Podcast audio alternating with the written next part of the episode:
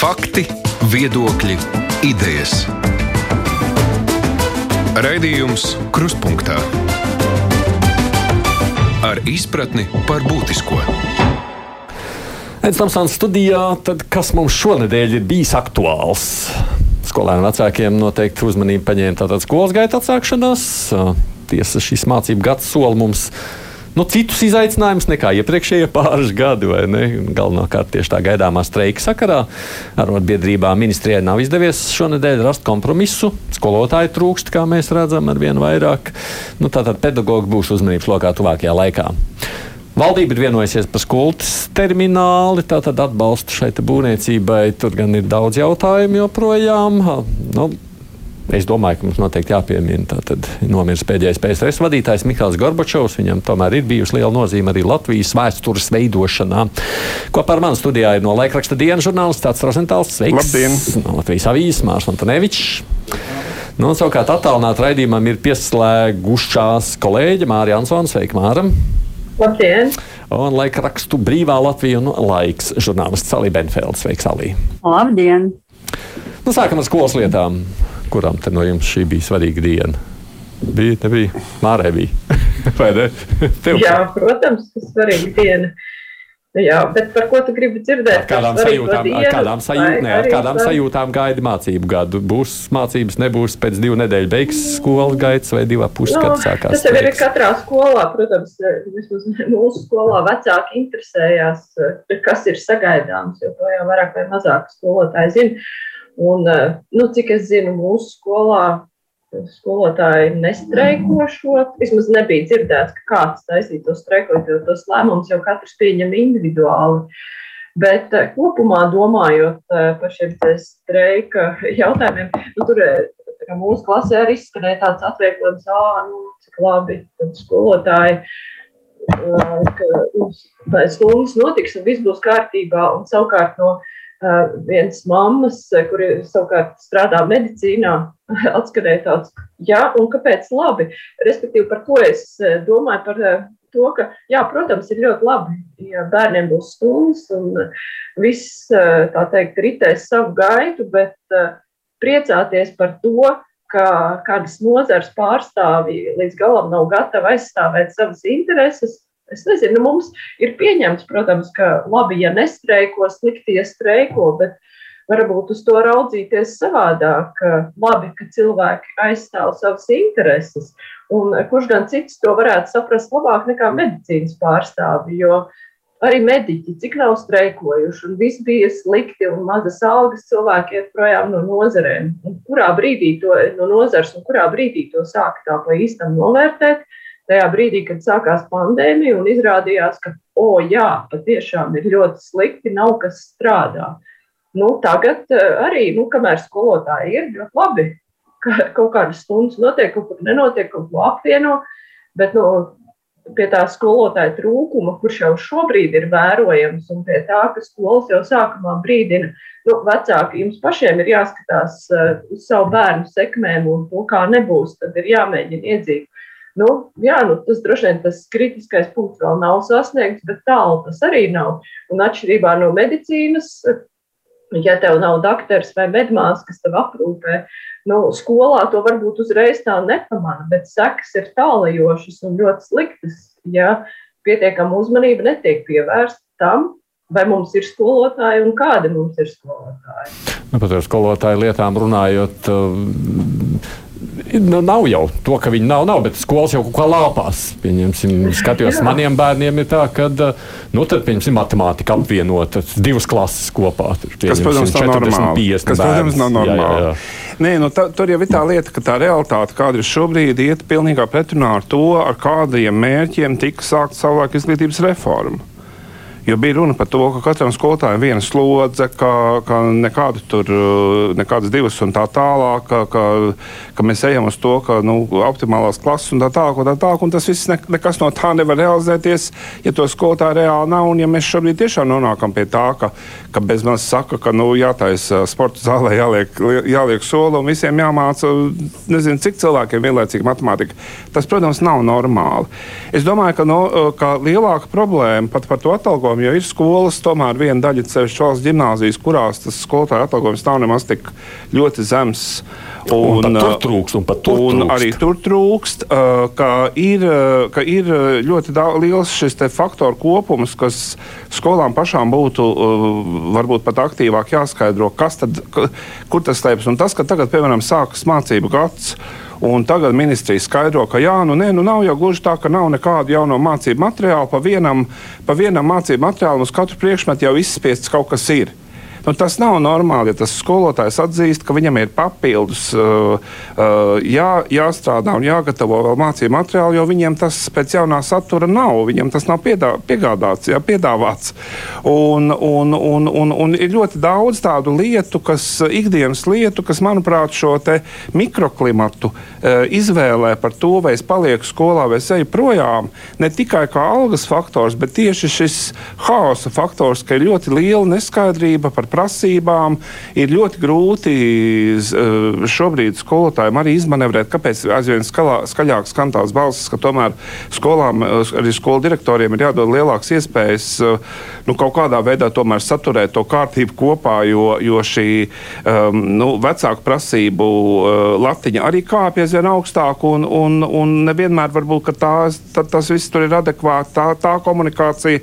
Nu, un, protams, manuprāt, tomēr uh, diezgan slikti iet ministrijai ar komunikāciju un ministrijai uh, kopumā. Un tas, ka nomainīja, partija nomainīja Šaplinsku, tāpēc, ka Šaplinska ir pārāk asa pret mužnieci, kur izrādījās pati būdama pedagoģa pietiekama asa nu, tas, tas dialogs tur neiet. Tur, nu, tur, tur, tur arī tā lieta ir. Un, un līdz ar to es domāju, ka tas diskomforts ir lielā mērā šobrīd eh, ne tikai uz naudas bāzes. Jo, nu, piedodiet, bet, bet piemēram, tas, kas arī notiek augstākajā izglītībā, augstākajā izglītībā ļoti daudz docētāju, kas saņem ievērojami mazāk nekā ģimnāzijas skolotāji. Mm. Tā kā Nē, tur tas problēma, problēma ir, problēma lokus ir milzīgs, Jā. tāpat kā pirmsskola un tā tālāk. Un tā tālāk. Bet es domāju, ka šobrīd līdz tam streikam ir tā emocionālā uh, temperatūra novedusi. Ka, uh, ka ir ļoti daudz neatbildētu jautājumu, kurus arī nemaz necenšas skaidrot. Vienkārši Nu, ir, tāds, ir tāds teiciens, tāpēc, ka perpendikuls, eh, kur lieto tajos gadījumos, kad nav ko atbildēt, un ministrijas atbilde ik pa brīdim ir tāpēc, ka perpendikuls. Mēs jau te visi esam žurnālisti ar pieredzi, un labi atceramies arī vēsturi salīt. Tu taču, man liekas, skolotāji kopš politiķiem ir bijuši kopš 90. gadiem uzmanības lokā ar solījumiem. Nu, mēs taisām nākotnes vīziju, atceramies tautas partiju un daudz bērnu ģimenes logo, un tad tur apsolījumiem jau redzam redzamiem soļiem, kā katru gadu tiks kāpinātas skolotāju algas, un skolotāji būs mums prestižu vērtēti un cienīti. Un likās, nu viss taču notiek, un kā ir, tā ir. Nē, nē redz, tās algas, es piekrītu tajā ziņā, ka no algas jau ir tikai viens no jautājumiem. Man, piemēram, tās pašas skolas programmas kaut vai vēsturē mm, interesē, tad kā īsti tur notiek un kas tur īsti ir un kā tur nav. Mm, nu, citiem pavisam vienkāršot sakot, mani mm, uztrauc tā izglītības kvalitāte. Jo, nu, par labi par to vajag diskusijas speciālistu starpā, un, un varbūt ne tik daudz no vecākiem, jo vecākiem vienmēr nu, ir mazliet cits skatījums. Bet es, nu, piemēram, Es, es, es, es, piemēram, brīnos par to, ka man iznāk saskarties ar gados daudz jaunākiem cilvēkiem. Neapšaubām viņi prot to, ko es nu, neprotu, teiksim tā. Ja? Bet tajā pat laikā nu, tas vispārējais izglītības līmenis vai tas pamats, nu, ir zināmas lietas, manuprāt, kas ir pamatā. Nu, un tā pati vēsture nu, kā viņi tiek mācīti, es nesaprotu, un, un kā uz to tiek skatīts. Arī par eksatajiem priekšmetiem. Es atceros, ka mans dēls mācījās, kura klase tā bija, bet fakts kā tāds, man bija tā, ka es biju kādreiz pirmajā kursā augstskolā mācīsies to pašu, un mums uzskatīja, ka mums jābūt priekšstatam arī par eksatajām zinātnēm. Un tad bija smieklīgi, ka mans dēls kaut kādā sestā vai septītā klasē atnāca no skolas un izrādījās, ka es esmu mācījies tieši to pašu, bet tikai augstskolā, ko viņš mācās tagad. Kas, protams, nav slikti, bet, manuprāt, pietrūkst tieši tā humanitārā satvara. Tas pamatu pamats. Un tas, diemžēl, ir tas nu, pēdējā laikā, jā, mācība līdzekļi un slodze, bet visu laiku tiek runāts tikai un vienīgi par algām, ne par kvalitāti. Jā, bet te mēs nonākam tādā šķērē, vai ne, ka mēs gribam ar vien lielāku kvalitāti bet, kā te raksta Toms, nu, tātad skolotājiem nav tūkstotis vai ne uz papīra, kamēr video alga jau mēs Latvijā dzirdam 1300 vai cik. Ir jau video skolotāji, kuriem ir pār tūkstoši. Nu, jā, jā, jā, jā, nevajag, nevajag, nevajag to, jā, nevajag tā, nevajag, es domāju, to tā vienodot. Es vēlreiz saku, ir viena daļa skolotāja, kuriem ir labas algas, bet viena daļa skolotāja, kuriem nav. Un tas ir tas jautājums, cik, cik taisnīgi tas ir. Bet labi, lai es te iejaucos pa vidu. Ko tu saki par visu šo situāciju? Jā, plaši runāt, un varbūt mēs ne, ne, neesam arī īsti cilvēki, ja mēs neesam iekšā tajās visās problēmās, lai detalizētu savus. Māri, Māri, es tevi nedzirdam, tev nav pieslēdzies mikrofons, tā kā nākas, vai nu man ir problēma, vai es nedzirdu. Pamēģini vēlreiz sakt kaut ko tagad. Jā. Nav, nav, nav. Meklējam tev tehnisko sadaļu, tikmēr skaties labi. Paklaus, tikmēr, kamēr nu, mēs visam aši gribētu pateikt vienu lietu. Tu saproti, ir pamatu pamati kuri šobrīd netiek apgūti. Lūdzu, piedod, es to redzu ikdienā. Ir pamati, te nav runa pat par kaut kādu kvalitāti uzlabot, uzlabot, uzlabot. Ir, ir lietas, kuras, manuprāt, kvalitātes ziņā ir jāatgriež, piedodiet, lūdzu, bet tomēr pagātnē. Jo bija kaut vai, nu, kaut vai pirmajās klasēs, bija lietas, kuras tika iemācītas stabili un uz mūžu. Vai neatkarīgi no tā, kas tev pēc tam, ko tu nākamajā dzīvē, turpmākajā dzīvē darīsi. Tas vairs nenotiek, jo tās programmas ir, nu, viņas ir pārāk samudžinātas un pārāk gudras brīžam. Par to ir runa.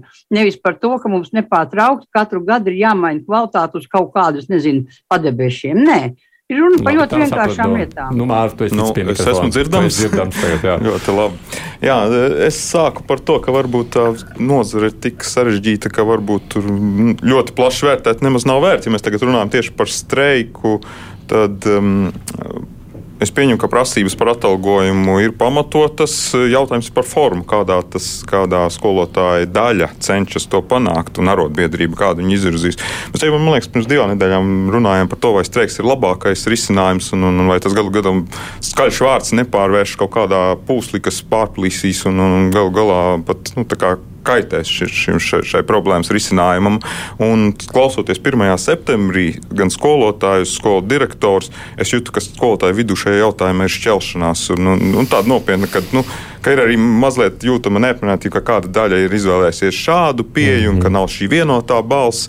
Tā kā es domāju, ka šajā gadījumā arotbiedrība tomēr ir nu, kļūdījusies savā izvēlē. Viņam bija jāmēģina skolotājs vienot un, un kaut kāds meklēt vienotas nu, jā, tas, tas, ko Mārcis saka, tad viņa skolā nestreikos, cik es dzirdu, man apkārtnē arī laikam lielākā daļa nestreikos, nu, kas nozīmē, ka. Nu, es nesaku, tas... ka nevis streiks nevar būt kā risinājums, bet, bet nu, tam jābūt risinājumam, lai viņš, lai viņš nav, tiešām būtu manā. Nav tik vienots. Jā, jā vienots. Nu, es domāju, Pašlaik tas izskatās pēc šantāžas. Savu, savu protestu nepanākt, pirms vēlēšanām noteikti var atrast daudz. Jā, jā, tas pašlaik izskatās no arotbiedrības puses pēc šantāžas, atvainojos. Protams, ka problēmas ir jārisina, nu ir jārisina, bet ne jau, ne jau tagad, tieši tagad, uz visu pārējā fona, kad valstī vēl būs, nu, diemžēl valstī būs papildu izdevumi. Es nedomāju, ka, nu, man nezinu. Tev nav simpātijas. Lai gan, ja es varu piebilst, nu, es neesmu pārliecināts, ka tie nestreikojošie skolotāji to dara, tāpēc, ka viņi būtu pārliecināti, ka lietas jārisina citādi. Tajā pašā panorāmā izskanēja arguments. Nu, tā kā par streika laiku nemaksā algu, es šobrīd šajā grūtajā rudenī, kad man jādomā, kā galvas savilkt kopā, nevar atļauties pazaudēt vēl kaut kādas dienas, par kurām man nesamaksās. Jo arī tas ir arguments, un ne tikai tas, ka tur būtu kaut kādi būtiski iebildumi pret arotbiedrības eh, izvirzītajām prasībām vai komunikācijas veidu. Protams, ka arī par arotbiedrības aktivitātēm tur galīgi nav vienotības, un ne jau visi skolotāji ir arotbiedrībā, bet eh, nu, tas finansiālais arguments nestreikošanai, tas arī ir gana būtisks. Protams, jā, vispār par to vietu un laiku, ko saka premjerministrs, ka šī nav īstais brīdis. Nu, jā, bet tajā pašā laikā, atkal no otras puses, nu, kad tad ir tas īstais brīdis, kurš to nosaka? Un, ja iekšējam, ja iekšējā sajūta... pirms vēlēšanām labāk nekā pēc, jo tas ir tāds, nu, no vienas puses tomēr izspēja. Nu, nu, pirms, ies, vēlēšanām, pie, pirms vēlēšanām patiesībā m, tas ir apzināti darīts, ka tas notiek tieši pirms vēlēšanām, bet, nu, tad, tad mēs tagad to lakmus papīru redzam, nu, nu ļoti labi, nu, mēs sāsinām. sāsinām sāsina situāciju un paskatās, kā tad kurš uz to Jā. reaģē. Ja, jo, jo, protams, ka tas būtu, ja, ja visas nozares tā darītu, tad mums apstātos pirms vēlēšanām pilnīgi viss Latvijā. Jā. Jo visi tagad, visi šādā veidā testētu. Tagad. Nu, kā tagad rīkosies? Kura partija tagad reaģēs? Kuri teiks, ja mēs nonāksim pie varas, tad būs tā? Vai ja mēs to nāksim, tad būs šitā. Jā, bet, eh, bet, bet tas, ka tas ir eh, šī streika forma, eh, ir izvēlēta diezgan nu, ekstrēmā, salīdzinoši ekstrēma, bet, bet tieši pirms vēlēšanām kā streika forma, es domāju, ka ļoti apzināti. Bet, bet tieši tas, ka tā, nu, redzēsim, cik tie procenti būs, un ja tas streiks ir tāds pusi uz pusi, tad to mērķi nevar sasniegt. Tur, tur efekti, efekts būtu tikai tad, ja būtu tāda ļoti liela vienotība. Kā sākas šī uh, dalīšanās un šķelšanās? Vienošanās, tā jau tas atkal ir kā par labu tiem, kas neko negrib nu, mainīt. Es nezinu, vai tas būtu tas lielākais efekts tam, eh, bet pirms vēlēšanām, protams, partijas ir gatavas solīt daudz ko, jo ir eh, jau zināmas atbildes arī, kas tiks darīts, ja, ja, ja, ja, ja nevarēs šo solījumus pildīt. Nu, tur sākot no stāstiem, kā var nesolīt, un tas, ka mēs neesam koalīcijā vadošais spēks, jo pavisam skaidrs, ka tāda vadošā partija nebūs, kas visu noteiks. Mm. Tad tur citi mums traucēs, un, un tiem tur citi. Bet uh, man, es gribētu atgādināt, ka mediķi savulaik panāca vēl vairāk viņi panāca, ka par viņu algām nobalsos saima jau pēc vēlēšanām, bet vienalga šis solījums netika izpildīts. Tā kā solījumi gan pirms, gan pēc vēlēšanām var arī netikt izpildīti. Ejam uz priekšu, citu tematu, lai varam vairāk spārnāt šajā reizē. Mm. Ko sakāt par nacionālās status, jeb nozīmes status piešķiršanu iespējamam skolas terminālim? Ati. Nu, tas, atkal, tas ir ļoti sarežģīts jautājums. Man nu, nācās nu, drusku gatavoties, zinot, ka šāds temats būs. Tas ir labi. Uh, Nē, nu, redz, uh, tur jau atkal ir tā, ka ir vecais labais teiciens par vēlmu, kas slēpjas detaļās, un mēs jau ļoti daudz, kā jau tu piesakot šo tēmu, teici, ka mēs ļoti daudz detaļu nezinām. Mm -hmm. uh, tas, ka, uh, tas, ka kaut kam, ja kaut ko grib realizēt, šo nacionālo statusu vajag tāpēc, lai neiet cauri ļoti daudzām procedūrām, jo pilnīgi noteikti uh, mums ir, mums ir uh, Latvijas slavena ar to, ka, ka ļoti daudzas lietas tiek noērētas uh, it kā uh, kaut kādu sabiedrisko interešu vārdā. Tāpēc tāpēc, ka atrodas aktīvisti, kas pret tām protestē. E, ja, ja kaut kāda protesta, procedūra vienu, nu, teiksim, vienkāršošanas e, vārdā šis, tagad, e, šis status tiek piešķirts, tā ir viena lieta. Otra lieta, ko es esmu dzirdējis arī uh, no ekspertu puses, tādas bažas uh, par to, ko šis status nozīmē un kādas. Uh, saistības tas uzliek. Respektīvi, ja, ja mēs tagad šo te realizējam un iedodam zaļo gaismu pēc diviem gadiem, tas ir, un izrādās, ka tas tomēr nav pats izdevīgākais variants, vai mēs neesam sevi, ne, netiek, netiekam sevi kaut kādā veidā nepiesaistām ļoti tieši šim konkrētajam terminālim. Uh, jo tagad jau ir sākušās tāda, tādas diskusijas un ņemšanās. Tur tagad uh, šis te potenciālais termināls jau ir uh, jau, jau paudis satraukumu, ka Latvija energo grib, grib Klaipēdu. ar klaipēdu līgumu slēgt uz desmit gadiem. Un, un, un, un kā, bet mēs taču būsim, kāpēc jūs ar mums tagad neslēgsiet un, un, un tā tālāk. Tā kā tā ņemšanās par, par visām šīm lietām jau vēl būs un tās intereses konkrētās, kurām kurā katrā situācijā. Uh, jā, un tad ir jāskatās, tad ir jāskatās tiešām, eh, kurā brīdī mēs uzņemamies, cik lielas saistības un ko tas reāli nozīmē. Jo es eh, klausījos to vienu ekspertu diskusiju, un es sapratu, ka arī viņi līdz galam nevar pateikt, kamēr nav likums, kurā ir precīzi noteikts, ka to, tas nozīmē to, to un to, ko tad mēs uzņemsimies. Nu jā, tas šobrīd nav skaidrs. Salī. Nu, es to teikšu tā, nu, manuprāt, abi tie projekti bija nevisai. Uh, un izvēlējās labāko no, no, no sliktiem. Tas ir viens. Otrs, protams, acīm redzot, mums termināls ir vajadzīgs. Nu, ir tur pietiekami daudz nezināmā un pietiekami daudz vēl tiks runāts noteikti par komercnoslēpumiem. Es nedomāju, ka mēs līdz galam visu uzzināsim jebkad. Un trešā lieta, protams, ir, ja, nu, tie jau tas jau nav valsts, tur jau tas ir, ir privāts, tas ir, uz, tie ir uzņēmēji, kur grib savu peļņu, Un, protams, par to, lai viņiem šī peļņa būtu garantēta un tūlīt tiktu garantēta, nu, tas taču ir skaidrs. Fakts kā tāds, es nevaru spriest par to, vai šī bija labākā izvēle, mm, jo tikai ir jau izvēlēties var no tā, ko piedāvā, vai ne? Bet uh, nu, tur jau būs daudz, tur būs, gan jau tur būs vēl par vidi ņemšanās un, un, un, un par visu citu pārējo. Es domāju, ka tas, kā parasti, kā parasti pie mums lielie projekti, iet ar, ar skandāļa, skandāliem, ar neapmierinātību, ar iebildumiem.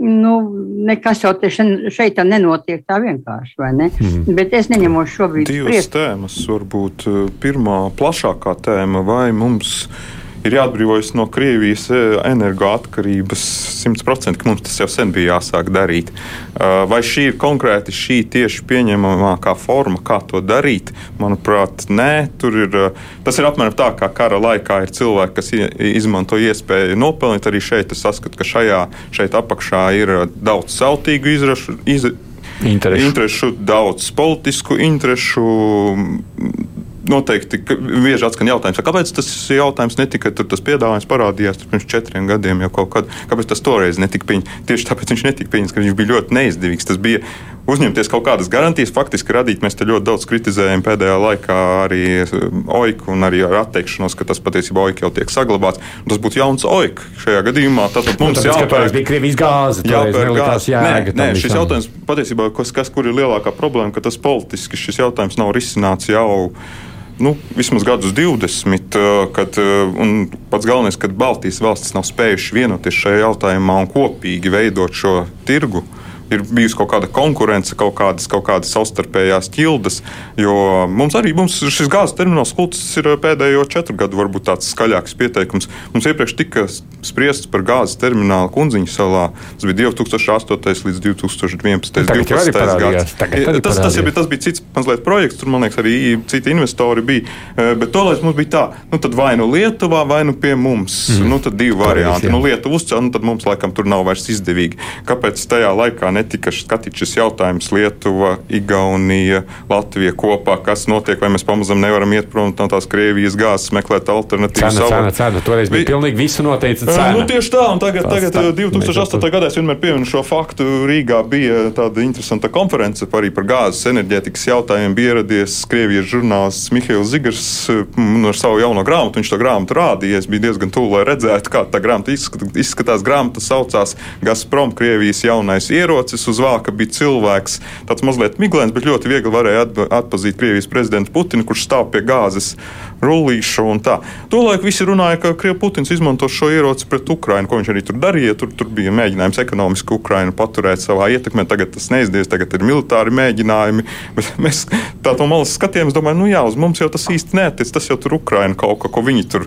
Tas, protams, ka tas attiecās arī uz mums, bet mums nebija politiķi. Varbūt bija ieinteresēti politiķi, kas bija ieinteresēti to nedarīt. Tas pilnīgi bija interesēti politiķi. Redzot, kas šobrīd Latvijas gāzes vadībā ka bija politiķi, kas to vienkārši noērēja, lai tas netiktu darīts. Mm.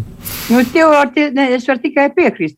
Nu, tas ir risinājums kara laikā, un kara laikā, kad viss deg, ja, nu, teiksim, tā, nu, ļoti reti, kad notiek labākā izvēle un saprātīgākā izvēle. Un to, ka to vajadzēja izdarīt sen, nu, kurš to, patiesībā sakot, kurš to šobrīd nesaprot, bet tas lobbyis ir bijis pārāk liels un pārāk spēcīgs, Un tā ietekme jau ir bijusi visaptveroša līdz šim.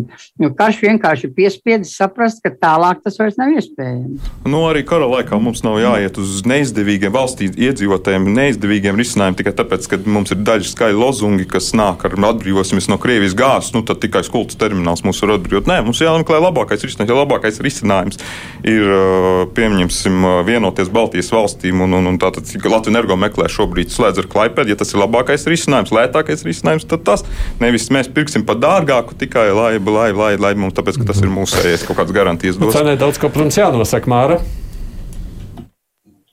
Kā tu teici, cenai? Nē, jā, nē, tā bija replika tikai uz Māras sacīto, kas ir nē, nē, Māras. Jā, nē. Bet, nu, nu, ko es varu vēl piebilst? Es, tā kā par projekta niansēm, tāpat mēs visu vēl nezinām. Un, uh, Droši vien, ka tikai pēc gadiem mēs varēsim novērtēt, cik tas ir bijis izdevīgi vai nē. Tajā pašā laikā mazliet oponējot Mārim par to, ka arī kara laikā ir jāmeklē labākais risinājums un ka Latvijas energo mēģina no klaipēdas pirkt tik, cik vajag. Nu, es jau teicu, šobrīd varam novērtēt, ka ar klaipēdu acīm redzot nepietiek jaudas ziņā nepietiek. Nu, kaut kāds cits risinājums ir jādomā, bet izsvērt uz priekšu, nu tā, visu izvērtēt lēnām, garā, cik kas maksā, ir ārkārtīgi grūti to izdarīt pat miera laikos, jo situācija mēs redzam, kā ir mainījusies, un mēs nezinām, nu, kāda tā būs, teiksim, pēc gada. Ir kaut kādi brīži, kad vajag ātri pieņemt lēmumus.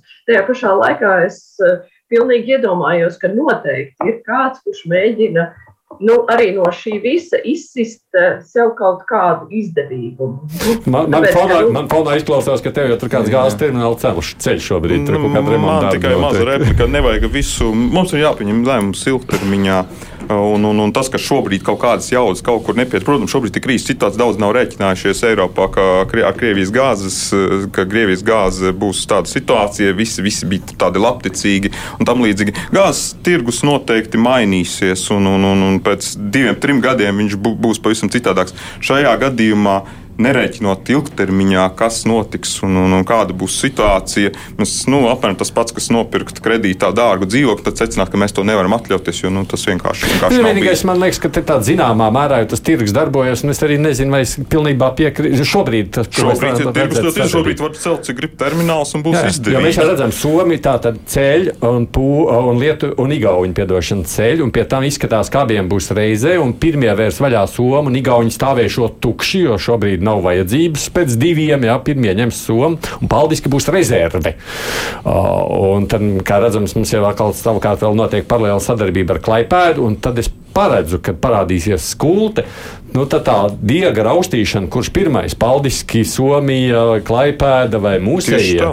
Nu, no otras puses, tāpēc nevajag uzņemties jā. garantijas, ka Garanti, mēs vērkam tikai jā, no viena. Jā, jā, jā, tā ir tirgus ļoti daudz, ko mēs varam atrisināt nākotnē. Jā, tā ir tā lieta, ka e, to, to, ko es arī klausījos, ko speciālists saka, ka tā konkurence, tad, kad visus to realizēs beidzot, un pēc diviem gadiem būs arī būs, bet būs arī tur, tur un tur, tā konkurence būs zvērīga, bet tas jau nenozīmē, ka cena kritīsies. Vai ne? Jo tās gāzes maksā tik, cik maksā. Jau, jā, jo tas ir pasaules tirgus, un tas jau to nenozīmē. Tad sāksies vienkārši. Un tad ir tas jautājums, ko, ko arī Mārcis pareizi saka, vai mēs nebūsim par daudz uh, uzņēmušies saistības, uh, sasaistīt sevi tieši ar vienu. Uh, vai tas mums tajā brīdī būs izdevīgi? Un, un, un tad, tas, tas pie šī līguma slēgšanas un vis, visām šīm lietām, jā, no, tas ir trīsreiz jānomēra. Tas gan jā.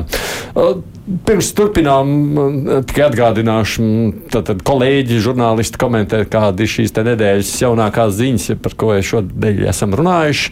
Mārija Ansone un Salija Benfelda attālināti, Ats Rozentāls un Mārs Antonevičs šeit studijā. Raidījums Krustpunktā. Te vēl tā ziņas par Latvijas pēļņu, kas arī mēs redzam, satrauca uh, mūsu klausītājus. Laikam, Latvijas gāzes pēļņu jūs uztrauc šis fakts. Jā, mūs uztrauc. Mūs, es mūs. runāju šodien arī ar, ar, ar saviem kolēģiem. Tas ir viens tāds aspekts, kas uztrauc, ka nu kā, nu mēs, mēs runājam par solidaritāti, mēs runājam par par, par solidāru teikt, nu, attieksmi pret, pret, pret krīzi, tā pašā laikā mēs tagad ieraugām šo, šo lielo peļņu. Tad nu, ir tas jautājums, nu, uzņēmums, protams, var skaidrot, kāpēc, kāpēc ir tā, kā tas ir. Nu, tāpēc, ka elektrība tā maksā. Tāpēc, ka elektrība tā maksā un tā tālāk, bet, bet, bet, uh, bet nu, tad ir tas jautājums, vai, vai cilvēki, kuri visi lielā mērā tagad ir ļoti satraukti, kā tas attīstīsies, un vai viņi to varēs pavilkt, un tad viņi ierauga pretī uzņēmumu, kurš no tā ļoti, ļoti pelna un, un, un tā tālāk. Tā kā, protams, ka tas rada šo nu, tādu neusticības fonu pret, pret konkrētu uzņēmumu. Mēs tagad par gāzi vai par Latvijas protams, tas, tas, tas, tas, tas, tas varbūt radīt tādu nepatiku, bet eh, no otras puses tā nav. Tomēr visticamāk nonāk valsts budžetā un galu galā var arī tikt izmantota, lai sektu kaut kā kompensēt. Tikt izmantota. No, nu, jā, nu, šī valdība kaut ko jau ir solījusi. Nākamā Es nezinu, kādas saistības būs gatava uzņemt, pārņemt, es varbūt vēl vairāk kaut ko piešķirt. Un tam līdzīgi var arī galu galā skolotāju algām un tam līdzīgi izmantot šos mm -hmm. visus. Tas ir mazliet, mazliet stāsts, kad tā nauda vienkārši nonāk kat, kopējā katlā, kopējā katlā. Un, un tad jautājums, kā viņi tiek sadalīta. Jā. Latvijas gāze, nu, tur ir mazliet, mazliet cits stāsts. Jā, tas ir privāts uzņēmums ar diezgan lielu Krievijas ietekmi, nu, kurš acīm redzami izmanto situāciju, ka nu, jūs nekur nevarat likties, un, un vēl, vēl diezgan augstprātīgi, ja kāds ka, ja cilvēks skatījās trešdienas uh, Latvijas televīzijas diskusiju Domburu pie Dombura, tad kā Kalvīts uzvedās un apmēram, ka, nu, tagad mēs jums tādu uzliksim, tādu cenu, ka tāpēc, ka jūs mums neļāvāt par rubļiem pirkt, nu, tad redzēsiet, paši nožēlosiet. Nu, tur varēja acīm redzēt šo attieksmi, ka ir tāds aizvainojums, ka jūs mums neļāvāt nopelnīt vēl vairāk, kā mēs gribējām. Nu, tad tagad dabūsiet pretī. Hmm. Nu, bet es tev teikšu tā no otras puses. Viena lieta, protams, lobbyis un gāzes tirgus un kalvīts, jā, bet es tev varu pateikt vēl ko. Cilvēki vienkārši nesaprot, jo paskaties tajā pašā raidījumā, ko tu pieminēji. Mm, es zinu, pēc tam cilvēku atsauksmes par šo raidījumu. Viņi vienkārši nesaprata, par ko ir runa. Jo gāzes, ja runā par gāzi, gāzes tirgus ir ļoti sarežģīts. Tā ir taisnība. Un netiek izskaidrot, cilvēki pārstāv no, no, no ministrijas. Viņi jau atkārto vienu un to pašu likumus, likumus, likumus, bet nepaskaidroja, nu, kāpēc tas tā ir. Pie tam vēl kas par to pašu Latviju energo peļņu. Protams, tev ir taisnība, Mārija. Tā jau nav privāta peļņa, ko viens cilvēks iebāž kabatā. Bet tajā pat laikā es esmu dzirdējis jau tagad, kad saka, kāpēc mēs neejam prom no biržas. Mēs apmēram tā, mēs saražojam elektroenerģiju, iebāžam viņu um, uh, biržā, un tad pēc tam atpakaļ nopērkam par divreiz dārgāku cenu. Cilvēki tā to saprot, liela, da, liela daļa. Saprot, tāpat par vispār par biržu ir ļoti, ļoti liela nepatika. Un tās ir lietas, kas ir jāskaidro. Vēl vairāk, kāpēc tagad, kara un krīzes laikā, nevar noteikt valdība cenas, kā nav kauna, neļaujiet tiem tirgotājiem iedzīvoties un tam līdzīgi. Saprot, es zinu, ka tas, nu, tas ir ļoti sarežģīti to izskaidrot tā, lai visi var saprast. Bet es esmu dzirdējis atsauksmes tikai tādas, ka, no, ka izņemot to, ka Kaulīts, protams, izskatījās daudz acīs ļoti labi, jo viņš runāja tā, kā var saprast. Bet no ministrijas atkārtoja vienu to pašu frāzi desmit reizes. Tas gan ir fakts. Jo saprot, tā ir sarežģīta lieta, un tā ir jāskaidro cilvēkiem. Nu, no otras puses, tas ir mūsu māra arī tavs uzdevums, vai ne? Skaidrot, jo vispār tas ir skaidrojošs. Tas tiešām ir skaidrojošs jautājums, kāpēc tā situācija ir tāda. Protams, ir skaidrojošs jautājums, bet eh, nu, tas Vāris jau pareizi arī norādīja, ka Latvijas gāzes šajā situācijā nevar likt vienā rindā. Lai gan cilvēku uztverē bieži vien tas ir kaut kas uh, ļoti līdzīgs. Hā, man par gāzi jāmaksā daudz, ā, man par elektrību jāmaksā daudz. Tieši tā. Un uh, bieži vien nu, arī nesaprot, kur aiziet peļņa. Runājot par to, ka lielie uzņēmumi labi ir nopelnījuši, nu, tur ir jautājums, vai valdība var rīkoties divējādi. Var uzreiz pašos pamatos noteikt kādus griestus, un, bet uzņēmumi jau, nu labi, Latvijas energodošiem nevajadzēs kompensēt, bet uh, uzņēmumi jau gribēs, lai kompensē to. Uh, var arī iekasēt to naudu caur Latvijas energo un pēc tam kādam iedot. Nu, tas ir Nu, grūti jau pateikt, ir, kā kuram ir kurā brīdī izdevīgāk. Bet, protams, ka paskatoties uz tiem milzīgiem peļņas skaitļiem, rodas tāds jautājums, kāpēc? Ka mēs tagad visi sametamies to tai milzīgajai peļņai. Tas ir līdzīgi kā, nezinu, tur ieņēmuma dienas stāsta, redz, cik mēs esam brīnišķīgi iekasējuši kādu akcijas nodokli vai ko, bet tas ir uz tā rēķina, ka viss ir palicis dārgāks un cilvēki ir labāk sametušies un iestādes nopelns tur nav varbūt nekāds ar tiem lielajiem nodokļu iekasējumiem, kas varbūt ir lielāki nekā plānots, jo neviens neplānoja tik milzīgu inflāciju. Nu, Jā. Tā, tas ir jautājums, protams, arī mūžīgais, kas jau ir valdības atbildamais par PVN. Tātad, jo aug tarifi, aug cenas, un PVN arī ienākuma budžeta arī skaisti aug. Un, un, protams, protams, tur uzreiz ir var tērēt viņu dažādi, bet var arī, arī atteikties no šī PVN krīzes laikā.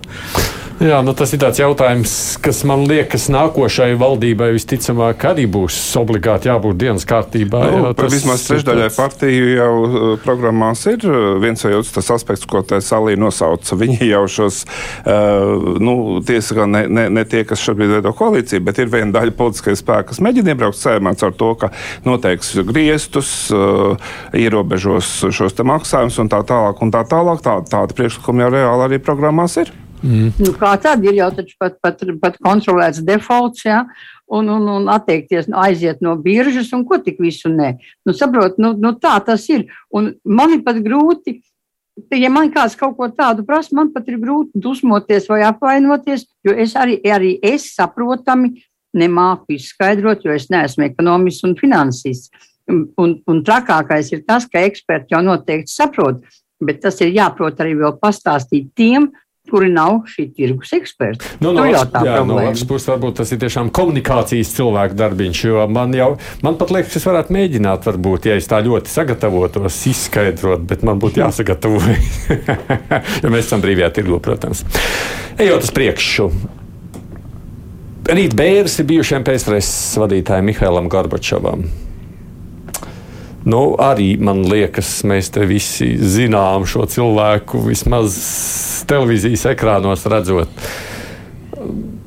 Man ir salies ar tevi arī sākšu. Tava vēsturiskā pieredze neapšaubām visvairāk ļauj spriest par viņu kā personību. Kā tu viņu vērtē kā personību? Nē, nu, te var dažādi teikt. Var teikt, ka viņš bija ļoti pretrunīga personība, un tas ir fakts. Tas, ka viņa nodoms nebija, teiksim tā, izjaukt padomju savienību un, un dot uh, republikām lielo brīvību, tas ir pilnīgi skaidrs. Viņam, manuprāt, viņa nolūks bija nu, salabot, jo viņš redzēja, viņš ne, ne, ne, nenāca no pašas augšas, viņš bija pamazām kāpis uz augšu. Viņš labi redzēja, kas notiek uz vietām, redzēja, ka partija tur zaudē to uzticamību un tā tālāk. Viņš gribēja salabot esošo situāciju, salabot un uzlabot.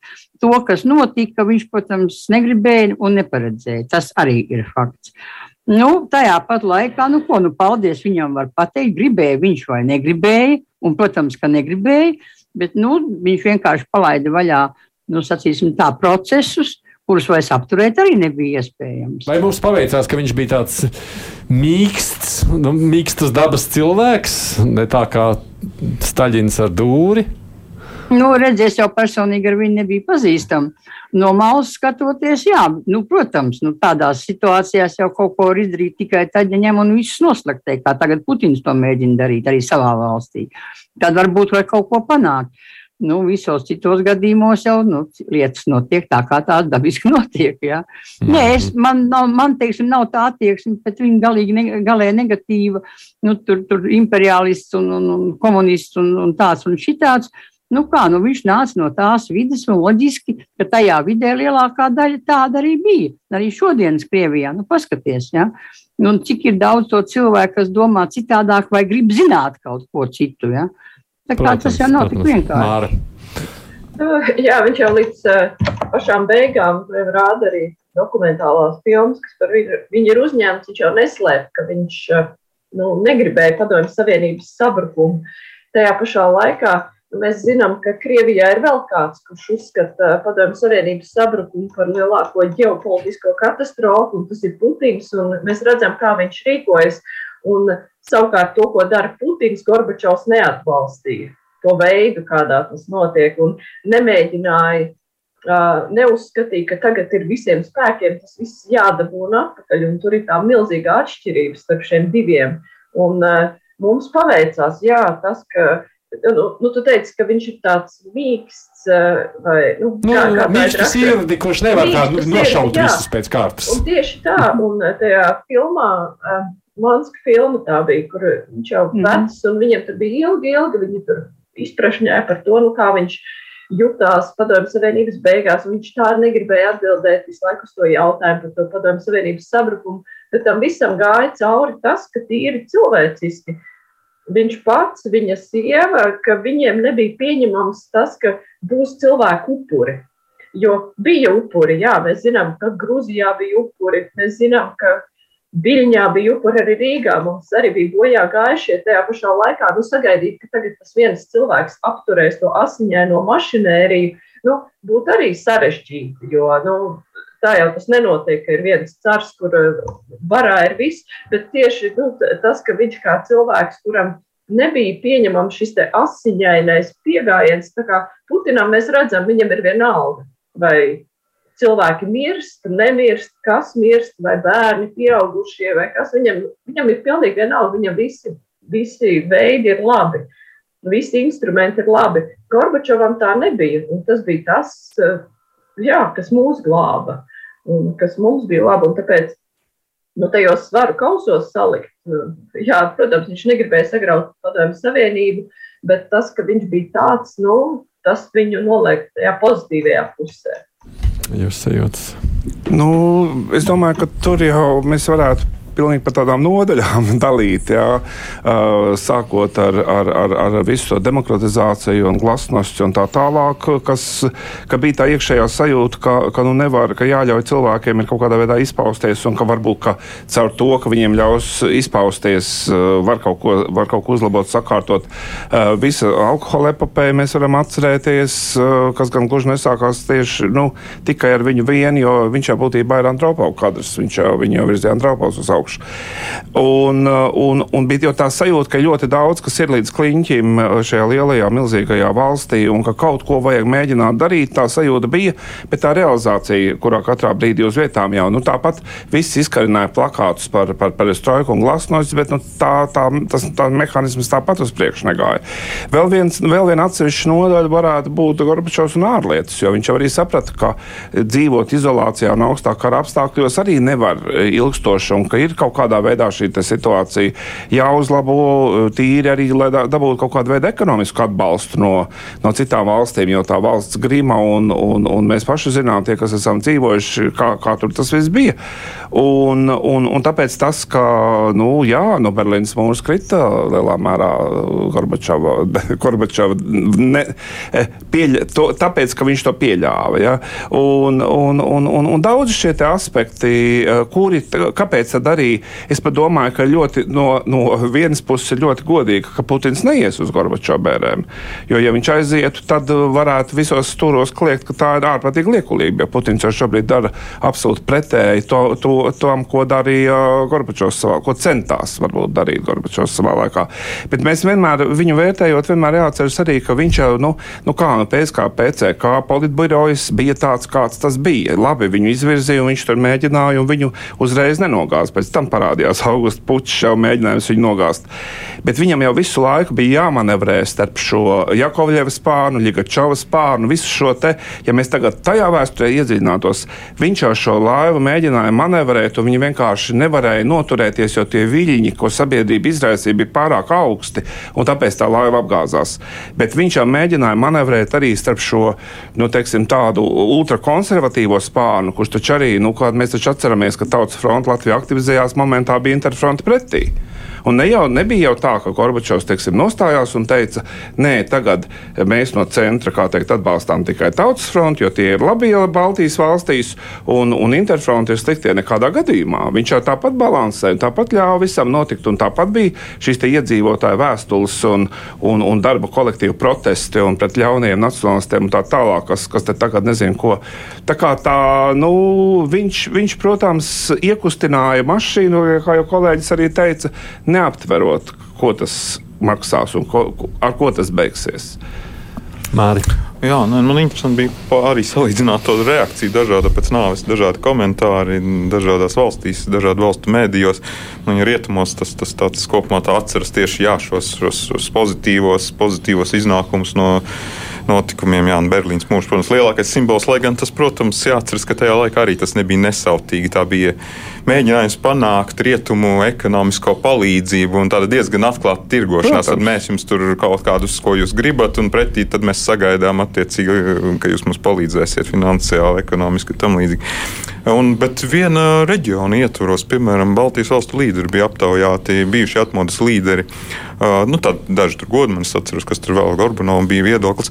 Tur bija tāds mēreni pozitīvs tāds vērtējums, nu, ka nu, apmēram tas, ko mēs teicām, jā, kad, kad, kad nebija viņš mūsu nekāds sabiedrots, mūsu neatkarības atbalstītājs, viņš, viņš gribēja saglabāt padomju savienību, bet nu, vienalga tajā laikā tur tā, tas ļoti labi bija, jā, kā, kā viņš darbojās. Un tā pašā diezgan tāda skarba reakcija no Lietuvas, tur tāda pozitīva, vispār tādu pat mēreni pozitīvu nedzirdēju vispār, bija, bet, bet tieši pretēji aizsardzības mm -hmm. ministrs bija mm -hmm. nu, pateicis, ka Gorbačovs ir noziedznieks. Tātad, ļoti, tātad viena pat reģiona ietvaros var atšķirties, jo nu, ir ļoti atšķirīgi notikumi. Ir tātad Viņas 13. janvāris cilvēkus samīts ar tankiem. Nu, mums ir Omona šaušana, bet tur nu, vēl nav skaidrs, cik no Maskavas tas tika koordinēts, cik te uz vietas bija kaut kāda pašdarbība. Nu, mēs tā, mēs tā neuzturam to kā tieši Gorbačova atbildību atšķirībā no Viļņas, kur to tā uztver.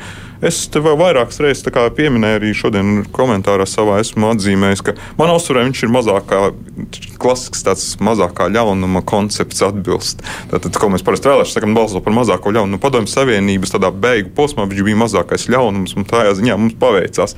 Uh, vēsturiski, jā, tas mums izrādījās, izrādījās ļoti. Un, starp citu, tie paši ultrakonservatīvi, ko teica, kas bija, viņi jau bija tie, kas palaida to pēdējo to, to posmu tajā PSRS sabrukumā. Varbūt Gorbačovs tur lēnā garā nemaz arī nebūtu sabrucinājis to padomju savienību, ja nebūtu šie pučisti, kas, mm. kas palaida un kas vispār, nu, tad Gorbačovs jau tur varēja tikai plātīt rokas fonā, jo viņš tālāk runāja Ieļcins un nu, visi pārējie, kas, kam bija interese sabrucināt un paņemt varu Krievijā.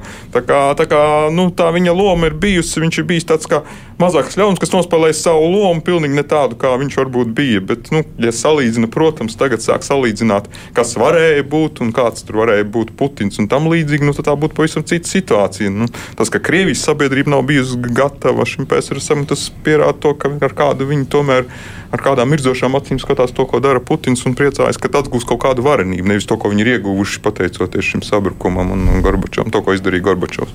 Ja. Man ir vēl dažas minūtes, tāpēc par citu tēmatu.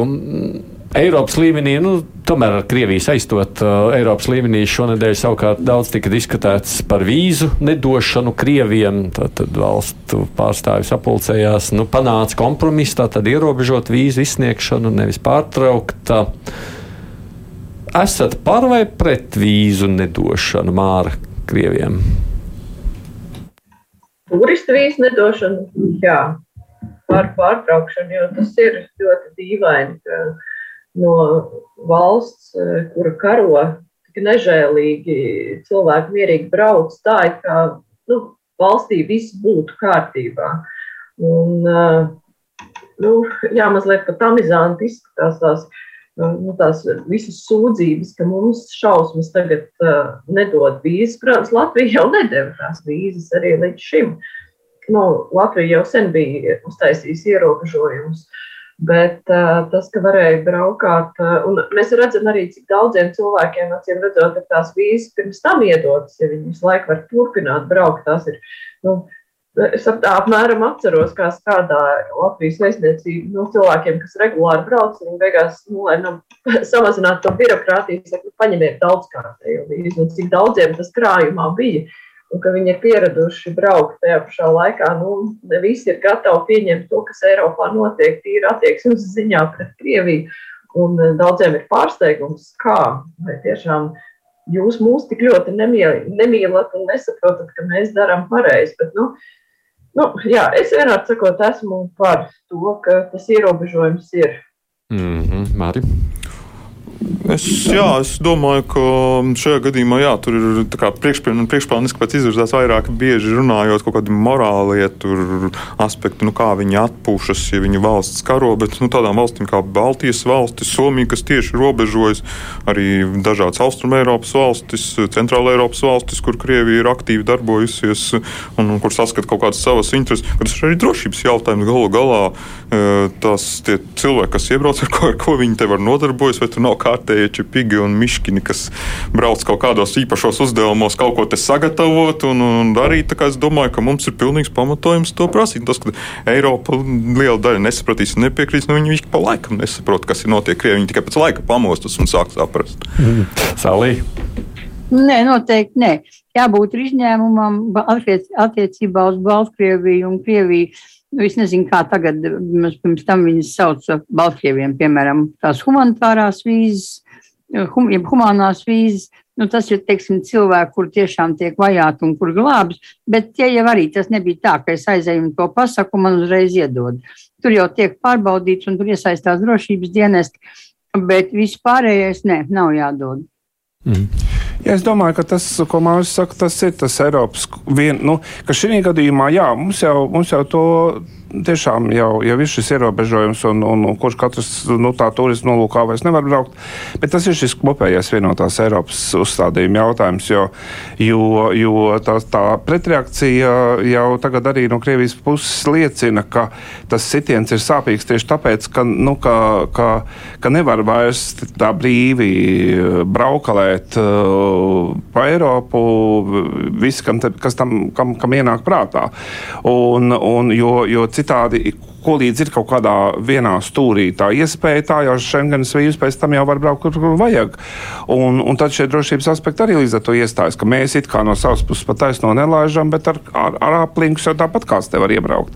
Nu, vienīgais, man liekas, ka šobrīd ir kā tagad ir lidmašīnas taču nelido vai ne uz Eiropu no Krievijas. Caur, caur trešajām valstīm. Caur trešajām valstīm, kas nozīmē, lai atbraukt uz Latviju, jālido priekš uz Stambuļu. Nu, uz Grūziju. Nu, jā, uz Grūziju. Nu. Nav grūti pat lido zemocenālajā kompānijas uz Grūziju. Jā.